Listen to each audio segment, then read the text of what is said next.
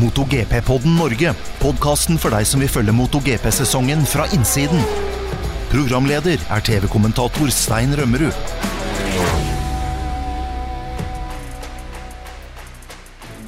Velkommen til tredje episode i MotoGP-podden Norge. Jeg heter Stein Rømmerud, og i dag har jeg med meg to spennende gjester. De kommer jeg tilbake til etter hvert. Men først, i dag skal vi snakke om Argentina Grand Prix forrige helg, som ble en historisk VM-runde av flere grunner.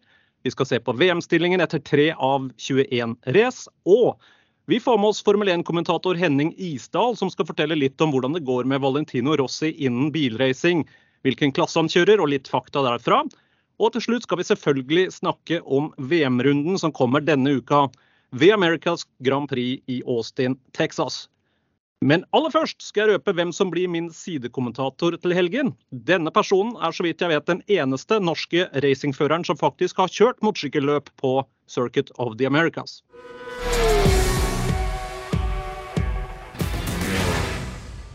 Min vanlige sidekommentator Dag Steinar Sundby har sendt to trailere med motorsykler til Spania, for han skal bruke påsken til å arrangere banekjøring både på Almeria og Cartagena. Det er noe han har holdt på med helt siden 1999. Og Derfor så får jeg en ny sidekommentator denne helgen, og det er en eks-racingfører, ekte entusiast og ekspert. Og hun har kjørt roadracing profesjonelt i Ama Pro Road Racing Championship. Det er det som nå heter Moto America i USA mange år, fra 2013 til 2019. Og ikke bare det, men hun er også den eneste dama i Skandinavia som har vunnet et åpent nasjonalt mesterskap. Hun vant nemlig Production 600 NM i Norge i 2011 og tok sølv i Sverige i SM i 2012. eh, Og har kjørt på høyt nivå både i Norge og Skandinavia, som dere skjønner. Så hjertelig velkommen til deg, Karoline Olsen, og gratulerer som Norges første kvinnelige MotoGP-kommentator. Hei Stein, og tusen takk. Det blir veldig veldig stas. Jeg gleder meg. Jeg gleder meg, grugleder meg. Eh, Dag Steinar er jo en utrolig dyktig kommentator, så det er store sko å fylle.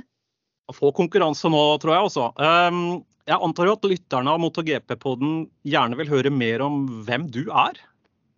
Ja, vet du hva. Jeg har, eh, siden, jeg har vært så privilegert at siden 2010 så har jeg egentlig levd av å kjøre motorsykkel og konkurrere på motorsykkel.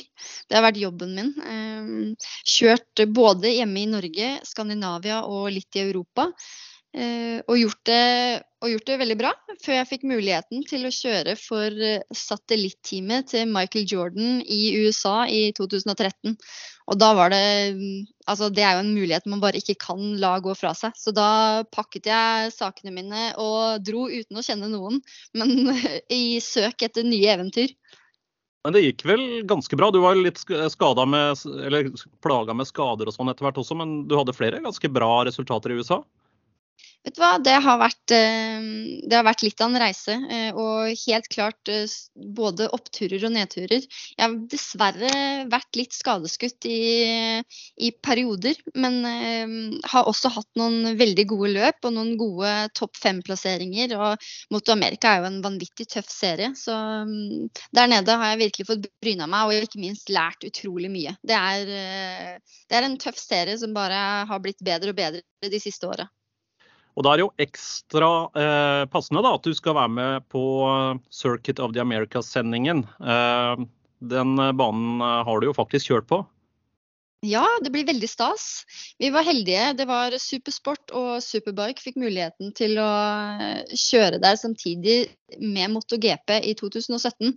Da kjørte jeg Superstock 600, men hoppa inn i supersportklassen for å få litt mer kjøretrening og matching på det høyeste nivået i 600-klassen der nede. Og vi hadde det vanvittig kult. Det er en helt rå bane med fasiliteter som bare tar pusten fra deg. Det er det er virkelig noe helt for seg selv.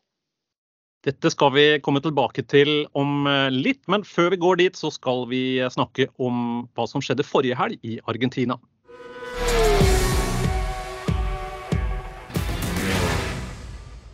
For en sesong 2022 er i ferd med å bli. Denne helgen ble Argentina Grand Prix kjørt, og dermed er tre av 21 race tilbakelagt i årets sesong. Og resultatene hittil etter Argentina er oppsiktsvekkende. Bare hør her. Ni forskjellige førere har vært på pallen på de tre løpene som har blitt kjørt. Det sier jo alt. Forrige gang det skjedde var i 1952. Det var det året Oslo arrangerte vinter-OL. Og MotoGP 2022 er dermed jevnere og mer åpent enn noen sesong tidligere. Tre forskjellige europeiske merker har vunnet de tre første løpene. Ducati med Bastianini, KTM med Oliveira og Aprilia med Aleix Spargaro nå denne helgen. Det har ikke skjedd siden 1952, det heller. Da vant uh, AJDs, Norton og Chilera de tre første løpene, så dette er ikke hverdagskost. Og Det betyr også at det er fem løp på rad der europeiske har vunnet. For de siste to i fjor de blir jo vunnet av Bagnaya på Ducati. Så dette er nytt, og det er helt oppsiktsvekkende. Men la oss eh, snakke litt om Argentina, Caroline, for det blir jo en historisk helg av flere grunner. Det ble Aprilias største helg i MotoGP noensinne. Hva syns du? Jeg syns det er helt fantastisk. Altså Som idrettsutøver og, og altså, Du kan jo ikke annet enn å bli følsom og glad. Og det var nesten så det falt en liten tåre når jeg så Elish eh, klare å ta den vanvittige forbikjøringa og klinsje seieren. Det betydde så mye for så mange, da.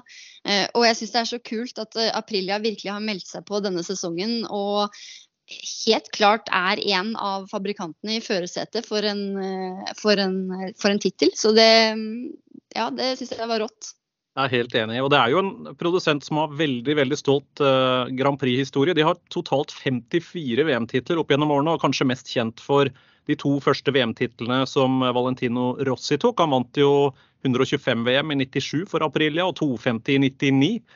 Og litt før det så vant jo Max Biaggi tre titler i 250-klassen for Aprilia. Og De har også en haug med andre titler, f.eks. VM i superbike. Biaggi vant jo 2010 og 2012 for Aprilia. Og etter det Sylvain Gintoli, den franske føreren, vant for Aprilia i superbike-VM i 2014. Så det er, jo, det er, jo, et stolt merke, men de har jo aldri vunnet noe løp i MotoGP eller 500 før. Nei, og, og ikke bare Aprilia, men også Elish. Hvor mange sesonger har ikke han vært med og jobba hardt og utvikla en sykkel uten å få de store resultatene som vi har håpa på og venta på. Um, og på toppen av det hele så ser vi også at Maverick Vinales, som har vært en skygge av seg selv, klarer å ha et fantastisk løp og fullføre på en sterk syvendeplass. Det syns jeg var Det lover godt for resten av sesongen for hele teamet, da, ikke bare Alage. Ja, helt enig. Det er utrolig gøy. og Det var jo også den første pole position til Aprilia i MotoGP. Og, eh, og så ble det jo som du sa, den aller første MotoGP-stjernen til Aleix Espargor. Han har jo kjørt da 200 Grand Prix-løp nå, og det er det 200 når han tok den, eh, den, seieren i. Og Det er jo også litt gøy, da, for da, da ser vi plutselig at de alle 24 førerne i MotoGP-startfeltet nå de har minst én Grand Prix-seier bak seg og minst én pole i sin racing-CV. Og ikke bare det, men det betyr også nå at alle seks merkene som er med i VM i år, de tre europeiske og de tre japanske, alle har minst én løpseier hver. Så nå har det jo blitt mye jevnere egentlig i hele mesterskapet. Men Stein, tror du noen gang at MotoGP har vært eh, så jevnt som det er nå? Eh, med så mange mulige kandidater til å ta tittelen, og ikke minst slåss for eh, gjennom helgen?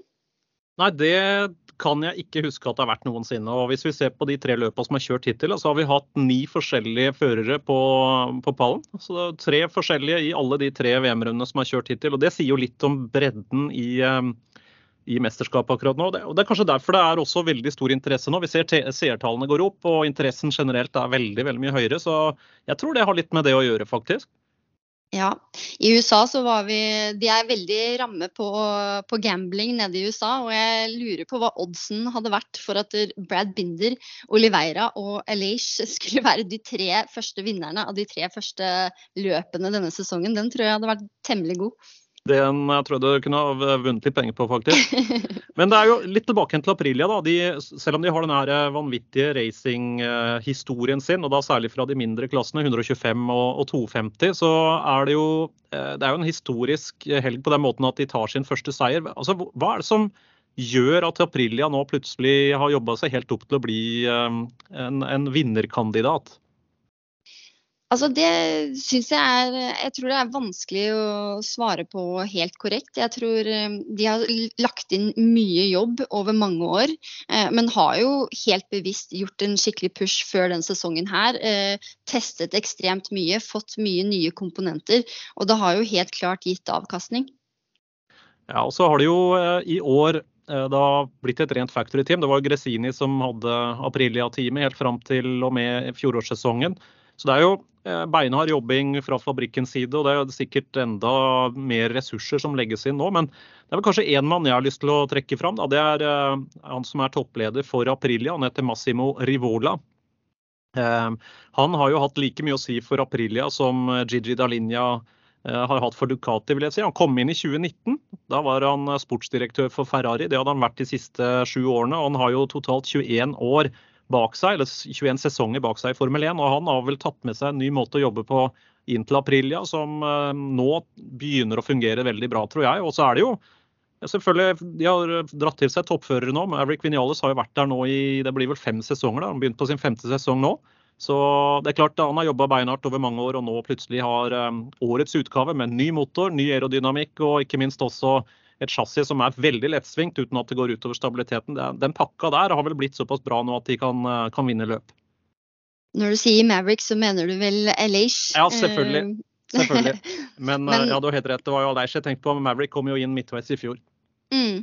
Ja. Nei, altså jeg tror Men jeg syns det sier mye om teamet, da. Når en uh, fører som jeg, det at Aleish nå endelig har en sykkel som, eh, som, er helt på toppen eh, med de andre fabrikantene, da.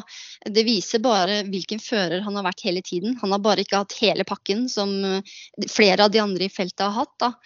Um, og jeg tror at det sier mye om teamet når uh, en såpass uh, bra fører har valgt å være med teamet så lenge uten å få de helt store resultatene. Da, da, er, det, da er, det, mye som fungerer. Uh, og det har nok vært stor tro innad på at er man tålmodige, så kommer tida, tida for å skinne.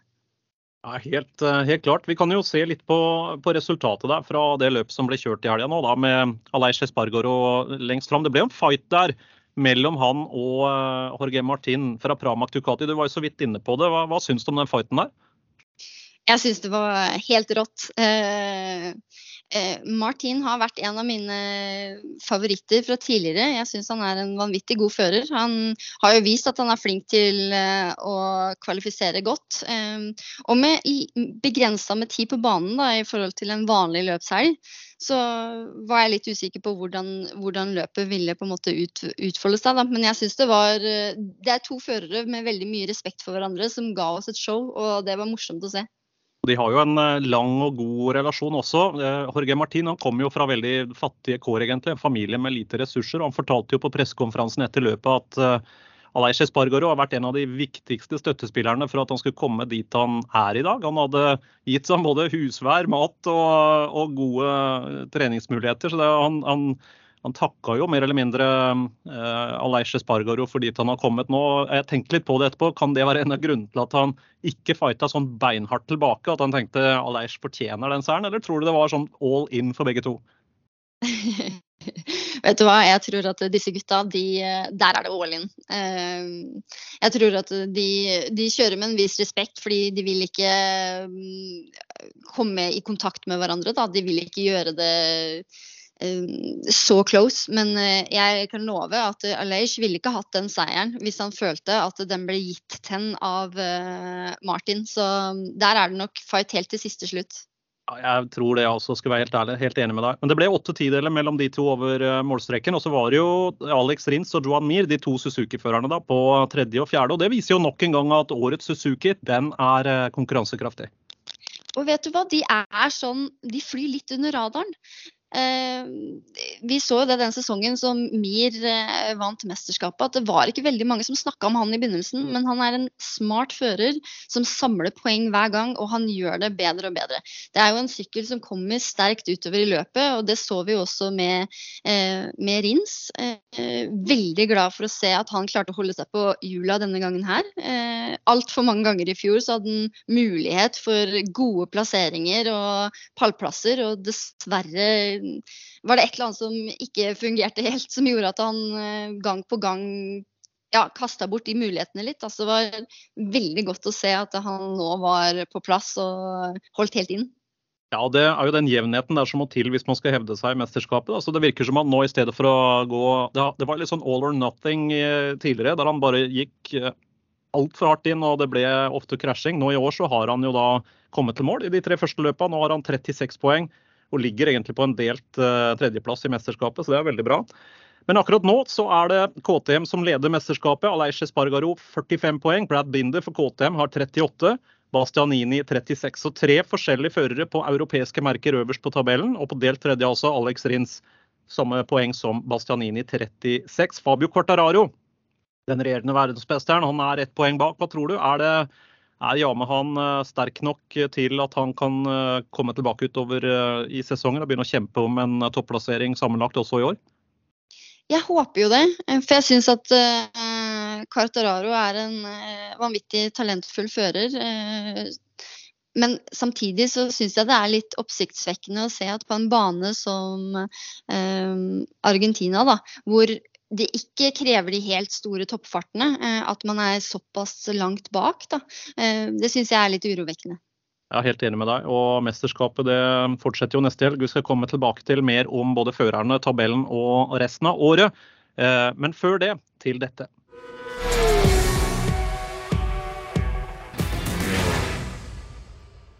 Vi har fått eh, celebert besøk fra selveste Formel 1-sirkuset i dag. Nærmere bestemt eh, Henning Isdal, som er en av fire Formel 1-kommentatorer på Viaplay. Velkommen til deg, Henning. Ja, tusen takk. Og gratulerer til dere som er i gang med MotoGP-pod. Eh, vi som driver med Formel 1 har jo holdt på med podkast noe lenger, kan vi si. Ja, og dere har noen flere lyttere også. Vi eh, ligger, de må liksom fjerne tre nuller for å komme ned på det lytterantallet vi har. Så vi må nok snakke om noen tips for å få opp antall eh, lyttere på MotoGP-poden også. Men Henning, du er jo med, ikke for å snakke om Formel 1 i dag, men du følger jo med på veldig mye forskjellig bilracing. Og det vi er nysgjerrig på, det er selvfølgelig Valentino Rossi, som har lagt motorsykkelhjelmen på hylla, og nå har han begynt å kjøre med støttehjul. og det det er jeg veldig nysgjerrig på. Han, han, er jo faktisk nå med i en serie som heter GT World Challenge. Han kjører for Audi. Hva er dette her for noe? Ja, altså, Valentino Rossi er jo helt åpenbart et petrolhead av dimensjoner. Så selv om han på en måte har lagt motorsykkelhjelmen på hylla, så har, har han jo ikke tenkt å slutte med å, å, eh, styre noe ganske raskt rundt en bane. Og GT World Challenge det er også den, det største og viktigste GT-mesterskapet i eh, bilsport. Uh, og jeg vet, jeg vet, ikke hva som ligger til grunn for hva slags avtaler han har gjort, men jeg tror han skal kjøre hele sesongen, inklusive 24-timersløpet på Spa. Og hva slags bil er han egentlig kjører der? Altså, GT World Challenge er jo superbiler som er sterkt modifiserte, om vi kan si det på den måten. Eh, det er Mercedes AMG, Audi R8, Porsche, det er McLaren, Lamborghini Huracan. Eh, og, og, og dette er også rendyrkede racerbiler. Og Valentina Rossi han kjører en, eh, en Audi R8 LMS som har en midtmontert 5,2 liters motor på ca. 600 hestekrefter. Hvordan gjør han det? Er han, konkurransedyktig? Ja, altså Hvis vi går litt tilbake i historien, så, så vet vi jo det at han har forsøkt seg med, med, med ratt og fire hjul tidligere òg. Det kjenner dere helt sikkert til. Eh, for det første så har han jo testet eh, Formel 1 mm, flere ganger. Den første gangen var i 2004 på Fiorano for eh, Ferrari. Der han bare var 0,7 sekunder bak Michael Schumacher den samme dagen. Og Det var jo mange Domenicali som i dag styrer Formel 1. Han sa jo den gangen at Rossi hadde absolutt muligheter til å kunne bli en bra Formel 1-fører. Men Det valgte han å ikke gjøre, men han gjorde flere innhopp også etter hvert. Både i World Rally og Monza Rally og mange andre ting? Ja da, han har holdt på med masse rart uh, sånn sett. Han, han uh, hadde jo et veldig godt forhold til Ferrari, så han gjorde flere tester på Fiorano helt fram til 2010. Og i 2009 så var han faktisk veldig nær ved å få et sete i Formel 1 da Felipe Massa hadde fått denne skaden i Ungarn. Han fikk jo en sånn fjær fra en bil rett i hjelmen og ble hardt skadet. Eh, og Luca Bador steppet inn, men han var såpass dårlig, så, så, Ferrari vurderte faktisk den gangen å ta inn Rossi som reservefører i 2009-sesongen. Hvordan gjør han det nå i år, da, i, i, GT World Challenge så langt? Ja, han kan jo veien rundt en bane. Eh, det er ikke noe tvil om. Så han, han kjører jo veldig bra. Eh, de, jeg tror de ble Det er jo tre førere på hver bil her. og han har bra partner i en såkalt pro-bil. så de ble nummer 17.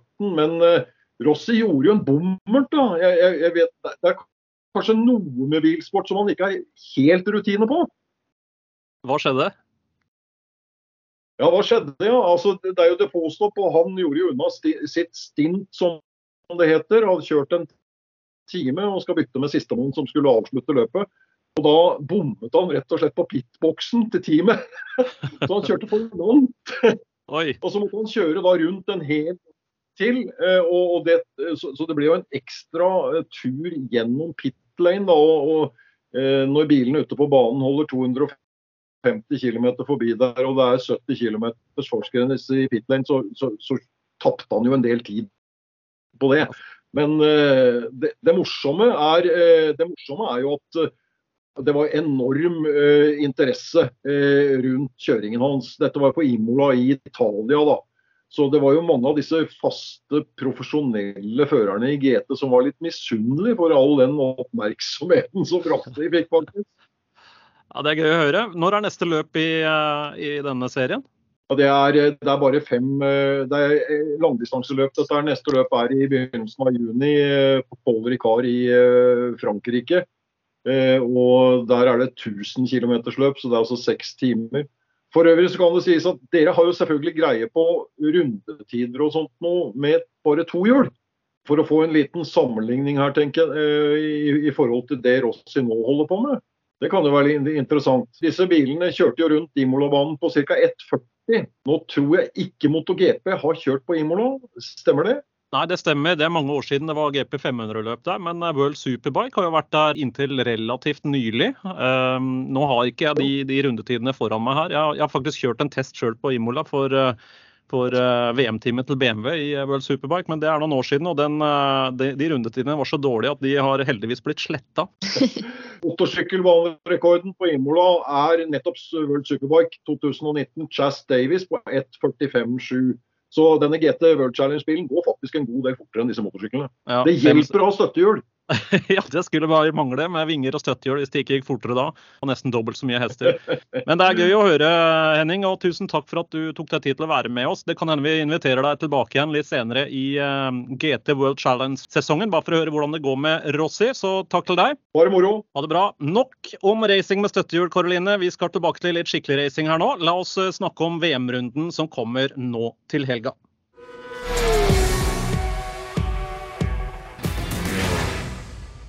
Ja, Til eh, helga så braker det løs igjen. Da er det VM-runde nummer fire. Og den går på en bane du kjenner godt, Karoline. Circuit of the Americas, Austin, Texas. Fortell om den banen der. Ja, vet du hva. Det er en helt uh, vanvittig rå bane. Og førerne sier jo selv at det er en av de mest fysisk krevende banene på kalenderen, om ikke den mest fysisk krevende. Det som er veldig spesielt med den banen her, da, er at der, uh, ryktene sier at den opprinnelig ble bygd for Formel 1 for å skape mer uh, spenning i mesterskapet, slik det var tidligere, når det var mer sånn den som tar starten, vinner løpet. Derfor har de lagd to svinger, T1 og T11, nei T12 mener jeg, som er lagd for å mm, fremprovosere forbikjøringer etter lange strekker vi ser jo veldig dårlig Hvis ikke dårlig, men høydeforskjellene på banen vises ikke så bra på TV som det den er i virkeligheten. Den eh, bratte bakken opp til T1 er ganske spektakulær. Den er eh, helt rå. Så her kan du bremse ekstremt sent, fordi man får mye hjelp fra oppoverbakken. Det er litt uh, krevende på toppen her også, da. For hvis man går på full brems opp bakken der og begynner inn i T1, som er en venstresving, så får du jo Det blir jo nesten som å komme over en bakketopp med full brems, for du mister litt av trykket i fronten på toppen der. Helt klart. Så her, uh, her gjelder det å ha tima alt uh, korrekt og ta en sen Apex ned, ned bakken igjen mot T2. Og så kommer vi kanskje inn i en av de kuleste seksjonene på banen, men også den seksjonen som gjør den til en veldig fysisk eh, krevende bane, og det er S-ene. Ja, det som det... gjør det Ja. Nei, kjør på det. Det som gjør det veldig spesielt, er at uh, dette er uh, en kombinasjon som du kjører inn i i veldig høyt tempo, men som reduseres etter hvert. Uh, og det er det ikke så, mange, så mye man har på andre baner. Ja, og Da er det jo høyre, venstre, høyre, venstre, høyre, venstre hele veien fra T2 til T9 egentlig. Og så um, er det da et litt raskere parti før man kommer til den hårnåla T11 som du snakka om. Der kommer man da ut på det lange rettstrekket her, som er 1200 meter langt. Men det er jo litt lav hastighet fra starten her, så vi får jo ikke um, de aller, aller høyeste topphastighetene på, på denne banen. Nei, altså fordi det er en førstegirssving, den uh, T11, uh, som gjør at du må få en, uh, få en, bra utgang, men du får ikke de helt høye hastighetene som vi f.eks. ser på Mugello. da. Men det, er, men det er, en, en kul bane, så det blir etter at vi kommer på bakraka, da, eh, som selvfølgelig Her vil det spille inn eh, Her vil draft ha veldig mye å si, spesielt i Moto 3-klassen. Eh, eh, vinden har ekstremt mye å si. Det snakker vi ikke mye om på andre baner, men blåser det mye, været i Texas eh, og da Austin kan være litt eh, uforutsigbart, for å si det mildt. og her kan det spille en stor rolle, faktisk. Det er jo kjempebra å ha med en fører som har kjørt uh, racing her uh, i sendinga, så det gleder jeg meg veldig til. Uh, kan si litt mer om banen også. Den er jo ca. 5,5 km lang. Den har alt i alt 20 svinger. Hard jobbing, som du sa. Den er venstresvingt. Det betyr også at kjøreretningen er mot klokka. Det er bare fire baner på VM-kalenderen som, som er venstresvingte. Og dette er en bane som Mark Marquez jo har dominert på. Hvis vi ser på statistikken her, så har jo han eh, vunnet her samtlige ganger eh, det har blitt kjørt MotoGP her, helt fra 2013 og fram til i fjor, unntatt ett år, og det var 2019. Da ble det krasj. Ja, da hadde vi jo Rins som endelig fikk en etterlengta seier det året. Men Marquez har jo, har jo, dominert. Til og med i fjor, når han kom tilbake etter stygg skade eh, til den mest krevende banen på kalenderen. Jeg kan ikke få sagt det nok, for den er ekstremt hard. Så trodde man jo kanskje at han skulle være litt redusert, men eh, den mannen overrasker alltid. Ja, han gjør det. Så han vant jo med nesten fem sekunders uh, luke da, ned til Fabio Cortararo. Og så ble det Pekko Bagnaya som uh, tok tredjeplassen da i fjor. Da kjørte man jo senere på året. Det var uh, oktober 2021 at forrige løp ble kjørt der. 2020 så ble det jo ikke kjørt noe løp der pga. Pandemien. Men i 2019, så, som du sa, Rins vant foran Rossi og Jack Miller. Det året så, så, det en stund ut til at Rossi skulle ta seieren, men han ble til slutt slått av, av Alex Rins. Det er, Hvis vi ser på rundetiden her, den uh, race-rekorden den ble jo satt i 2014 av Marquez. Den er på 2.03,57. Mens all time lap record den ble satt to år senere, 2015, på 2.02,13. Karoline, det ble jo klaga av mange førerne her i fjor på at det var ujevnt og dårlig underlag. Merka du det da du kjørte her? Nei, eh, banen var jo helt ny i 2012. Den ble begynt påbygd i 2010. Vi begynte ikke å kjøre der før i 2014, og da var det fortsatt ny og egentlig upåklagelig asfalt. Den var knallbra. Så når jeg så på TV i fjor, eh, så syns jeg jo det var helt Det så jo helt forferdelig ut. Men vi, vi, hadde, når vi kjørte der tilbake i 2017, da, for vi har kjørt der et par ganger, så så vi antydninger, men ikke på nærheten av samme nivå som det det var i fjor. Nei, og det var jo flere av førerne som sa etter VM-runden i oktober 21 at hvis ikke banen får ny asfalt nå, så, så, kommer vi ikke tilbake igjen. Og Det har selvfølgelig da banen, baneeierne lytta til. De har asfaltert store deler av banen nå, og det er nok på sin plass. Det var vanskelige forhold her, som du sa. Aleish Espargaro han krasja fem ganger i, eh, i Texas pga. dumpene eh, i oktober i fjor. Så jeg er veldig spent på å se hvor mye bedre den har blitt. Men det som er den underliggende utfordringen her, er eh, at grunnen under banen som er utfordringen, ikke selve asfalten. Så det er vel en risiko for at det kommer igjen, dette her. Men det vet vi ikke før fredag morgen, da lokaltid, da de første fritreningene begynner igjen. Jeg er, ehm, jeg er, litt spent på en ting, Karoline, og det er Mark Marquez. Tror du han kommer tilbake fra skaden han pådro seg i Malaysia? Vi, vi, vi tar jo opp denne podkasten på tirsdag 5.4, og da har det ikke kommet noe nytt fra Repsol Honda ennå. Jeg regner med det kommer en pressemelding senere, men hva tror du? Kommer han? Det er lov å håpe, er det ikke det? Jeg tror det er, hvis, det er, hvis det er én bane på kalenderen som motiverer Marc Marquez mer enn noe annet å komme tilbake til, så er det, så er det Kota. Eh, så jeg lever fortsatt i troa. Jeg føler at vi trenger en som Marc Marquez. Nå er det første året uten Rossi. Eh, og jeg tør ikke tenke på om det her skulle få større konsekvenser for Marc Marquez enn at han er ute et par løp. Så med positive meldinger i sosiale medier og fortsatt uh, taushet uh, angående helga, så uh, ja, jeg lever i troa. Ja, jeg også. Jeg håper han kommer, men det er absolutt ikke sikkert. Han fikk jo en ordentlig smell i Indonesia, som dere husker. Og problemet etter den hjernerystelsen er også den gamle skaden med dobbeltsyn, som han har hatt nå tre ganger. Vi får se da om han, om han er klar til Circuit of the Americas, eller om det tar lengre tid. Hvis Marcus Marquez kommer, så er det klart da, da kommer vi ikke utenom at han er uh, favoritt. Men hvis han ikke kommer, hva tror du da? Da er det jo et veldig åpent mesterskap nå. Mange potensielle vinnere. Hvem, har du mest tro på? Altså, etter løpet i Argentina nå, så kan man jo ikke komme utenom å si at uh, Jorge Martin vil være min favoritt. Han fullførte på en, eh, på en sterk eh, han, hadde en, han, hadde et sterkt løp der i fjor med en femteplass, og har kommet sterkt i år. så jeg tror at han, han, blir, blir, han, kan bli vanskelig å ha med å gjøre. Samtidig så var det flott å se at Bagnaya, som ikke engang kom seg videre fra, fra Q1, gjorde en, et sterkt løp og fullførte på en femteplass. Jeg tror at Ducatin, Ducatin kan bli hard.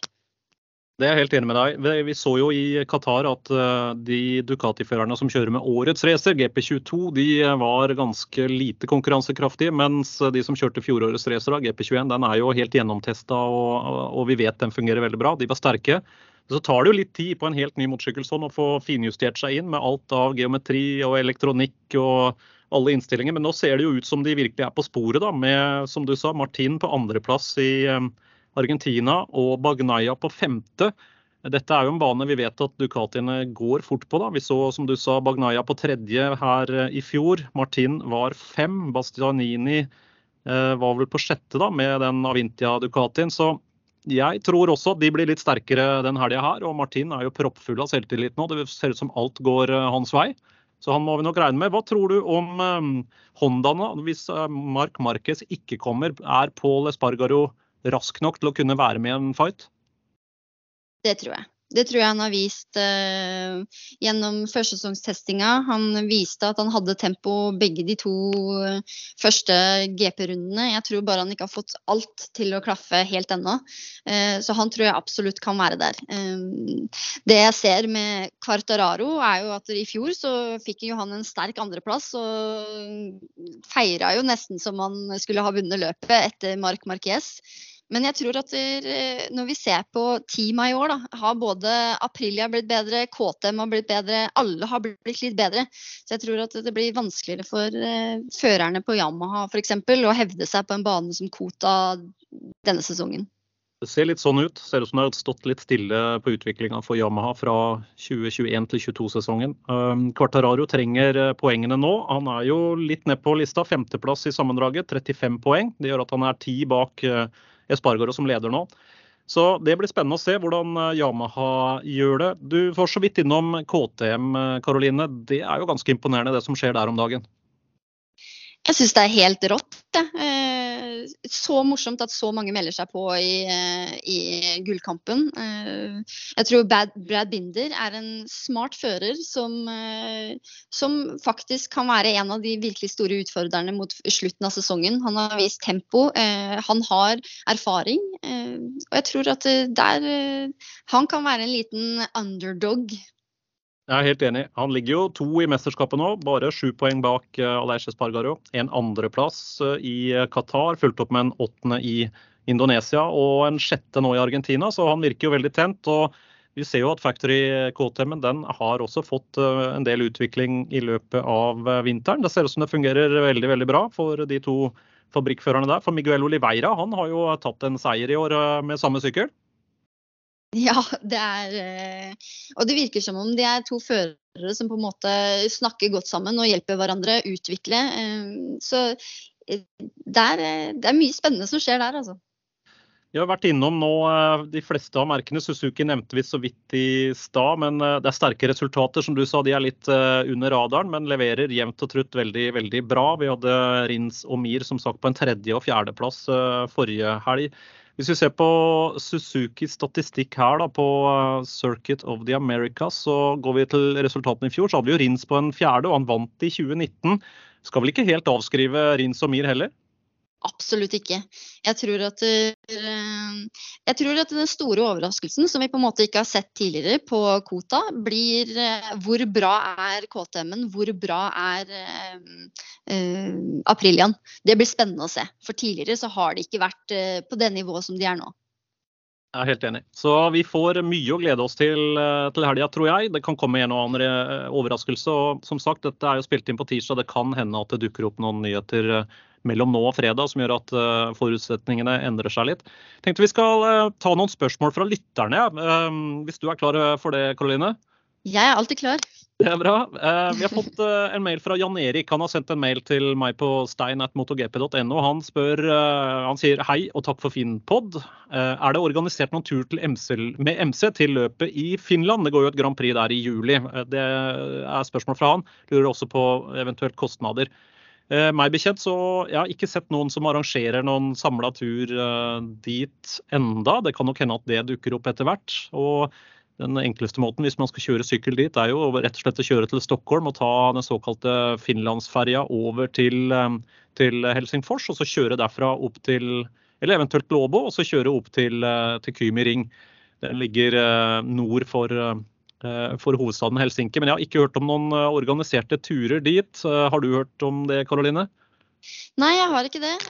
Det blir jo spennende å se om det, om det, kan på en måte skape samme atmosfære som det Assen har gjort hvert år. For der har vi jo en flust, en stor gjeng med nordmenn som drar hvert år. Så det hadde vært kult om Finland kunne, få, kunne, kunne skape det samme, da.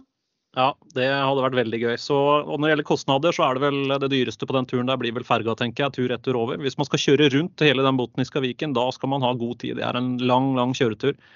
Ellers har vi fått et spørsmål til fra en som heter Roy. Han sier takk for en flott podkast og arbeidet under sending. Takk for det. Eh, hvor overraskende er det at Factory Ducati ligger såpass langt bak? Hva tenker du, Karoline? Altså, jeg syns jo det er veldig overraskende. Eh, det må jeg si. Jeg hadde sett eh, Bagnaya som en av de største utfordrerne til årets tittel. Og jeg syns at jeg ser en liten desperasjon i Ducati akkurat nå, både innad i teamet og hos Begnaya. Måten Han er alltid så, så, rolig og avbalansert, og nå ser vi tydelig frustrasjon.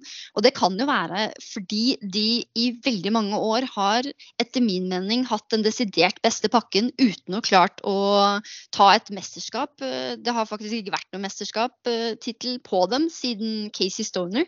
Så jeg føler jo eh, Jeg syns det er overraskende.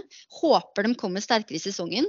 Og har ikke noe klart svar på hva de sliter med, altså. Nei, det eneste vi så vel etter hvert i Argentina at det begynner å gå i riktig retning. Så vi får se utover. Er, sesongen er jo veldig tidlig. Det er tre løp som har kjørt, og det er 18 løp igjen. Så det er jo det er litt farlig å trekke for, eh, for sterke konklusjoner akkurat nå. Men akkurat de første tre løpene har vel ikke vært det beste for, eh, for Factory Ducati. Så har vi fått et spørsmål fra Tom Rune. Det er et spørsmål som jeg sender til deg. Hva er den alarmen vi hører av og til i bakgrunnen når det filmes fra pit lane? Det er rett og slett eh, lit, et lite signalhorn som eh, gir mannskap og teampersonell i pit lane beskjed om at nå kommer det en fører inn fra banen. Sånn at man rett og slett eh, gir plass og lar pit lane være åpen for føreren. Da vet vi det. Takk for gode spørsmål, alle sammen. Send gjerne flere på steinatbike.no Karoline og jeg vi er jo da på plass bak eh, mikrofonene i, eller på Viaplay og V-Sport 3 til helga. Sendingen vår den starter på lørdag kveld klokka 19.30 med Moto 2-kvaliken. Samme kveld så går jo MotoGP FP4, det går en time senere, halv ni, altså 20.30. Og så går det slag i slag med de forskjellige kvalifiseringene etter det. På søndag så er det MotoGP warm-up klokka 16.35. Og løpene de starter eh, slag i slag etter det. Moto 2 går først, det er 18.20. MotoGP går midt i sendinga. Det er klokka 20.00, altså 8 norsk tid. Og Moto3, de minste motorsyklene, det er klokka 21.30. Jeg gleder meg, Karoline. Er, er, du klar?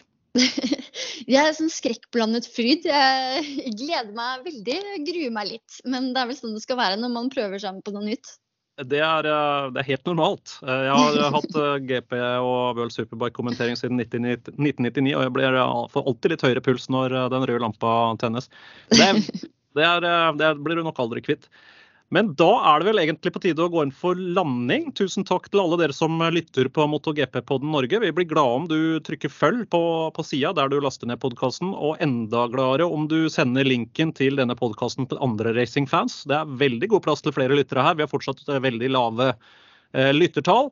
Så hjelp oss gjerne med det, og på forhånd takk. Uh, håper vi ses da på Viaplay og V-Sport 3 til helga også. Og i mellomtiden, takk for nå. Og dersom du skal lufte motorsykkelen til helga, kjør vakkert, men safe. Ha det bra.